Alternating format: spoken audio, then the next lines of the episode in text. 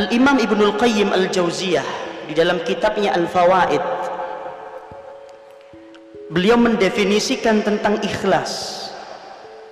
Apa sesungguhnya yang dimaksud dengan ikhlas itu? Beliau mengatakan al-ikhlasu alla tatluba ala amalika syahidan ghairallah wala mujazian siwahu Ibnul Qayyim Al-Jauziyah menjelaskan bahwa yang dimaksud dengan ikhlas itu adalah ketika engkau tidak mengharapkan seseorang melihat dan menyaksikan apa yang engkau kerjakan kecuali Allah Subhanahu wa taala.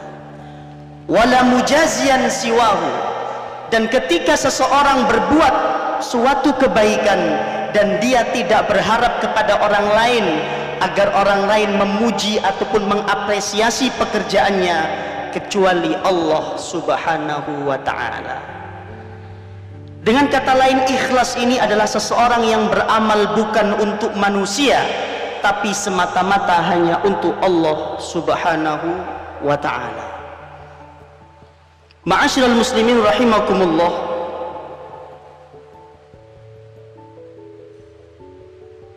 Banyak orang yang memberikan satu analogi yang indah tentang ikhlas ini. Kita mungkin perlu banyak belajar dari makhluk Allah yang bernama gula. Ketika ada secangkir kopi kemudian ditambahkan gula ke dalam kopi tersebut, maka orang mengatakan kopinya manis sekali. Padahal yang menyebabkan kopi itu menjadi manis adalah gula yang dimasukkan ke dalam kopi tersebut. Ketika ada secangkir teh yang kemudian dimasukkan ke dalamnya gula, maka orang yang minum teh tersebut mengatakan sungguh manisnya teh ini. Tidak ada yang mengatakan sungguh manisnya gula ini. Sekali lagi yang disebut adalah zat lain, bukan gula itu yang disebut oleh seseorang.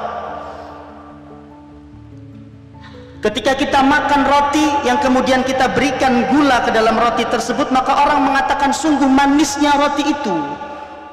Sekali lagi gula tidak disebutkan bahwa gulalah yang menyebabkan kopi, teh dan roti itu menjadi manis. Akan tetapi ketika seseorang kemudian terkena penyakit diabetes atau penyakit gula, maka yang disalahkan di sini bukan tehnya atau bukan kopi atau rotinya tapi yang, di, yang disebut adalah penyakit gula. Begitulah ma'asyiral muslimin dalam kehidupan sehari-hari tidak selama kebaik tidak selamanya kebaikan yang kita tanam kemudian diapresiasi oleh orang lain tidak semua kebaikan yang kita kerjakan mendapatkan pujian dan sanjungan dari orang lain. Tapi ketika satu kali saja kita berbuat kesalahan, maka itu akan dibesar-besarkan. Maka manusia selayaknya dia banyak belajar dari makhluk Allah yang bernama gula ini untuk menumbuhkan rasa keikhlasan di dalam dirinya agar segala perbuatan, segala tingkah laku, segala amal ibadah yang dia lakukan benar-benar dia lakukan semata-mata hanya karena Allah Subhanahu wa taala.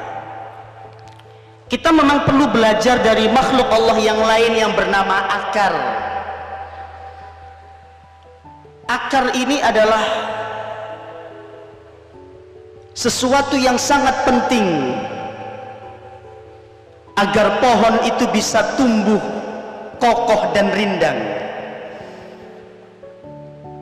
Akar berusaha sekuat tenaga untuk masuk menembus ke tanah menembus batu-batuan hanya untuk mendapatkan air yang semata-mata air ini dipergunakan untuk batang pohon Lalu dengan batang pohon ini tumbuhlah buah-buahan, tumbuhlah bunga yang indah, menampakkan eloknya di dunia, yang kemudian manusia melihat sungguh betapa indahnya pohon itu. Dan sekali lagi, akar tidak akan pernah iri, walaupun akar ini tidak pernah disebut. Itulah hakikat dari keikhlasan. maka bulan Ramadan puasa yang kita lakukan ini sekali lagi agar membentuk pribadi kita menjadi pribadi-pribadi yang mukhlisin. Maka seorang pelajar, seorang mahasiswa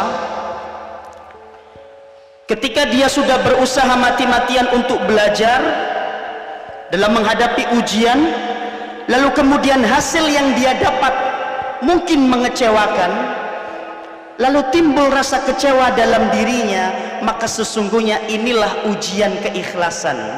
Apakah kita benar-benar ikhlas belajar selama ini? Ketika seorang guru, seorang dosen, seorang karyawan mungkin mendapatkan satu hasil yang tidak sesuai dengan keinginannya maka di sinilah sesungguhnya ujian keikhlasan itu.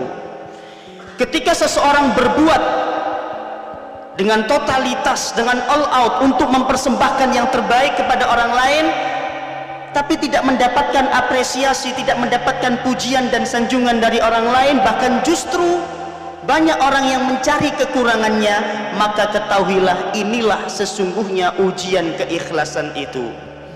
Maka ma'asyiral muslimin sidang salat subuh yang dirahmati oleh Allah subhanahu wa ta'ala maka mari kita jadikan momentum Ramadan ini momentum bulan puasa tahun ini untuk menempa diri kita melatih diri kita untuk menjadi pribadi-pribadi selain bertakwa kepada Allah subhanahu wa ta'ala adalah untuk menjadi pribadi yang senantiasa ikhlas kepada Allah subhanahu wa ta'ala agar amalan ibadah kita perbuatan kita selama ini benar-benar diterima oleh Allah subhanahu wa ta'ala dan dijadikan pemberat timbangan kebaikan kita di hari akhir. Amin ya rabbal alamin Demikian kultum singkat yang dapat saya sampaikan.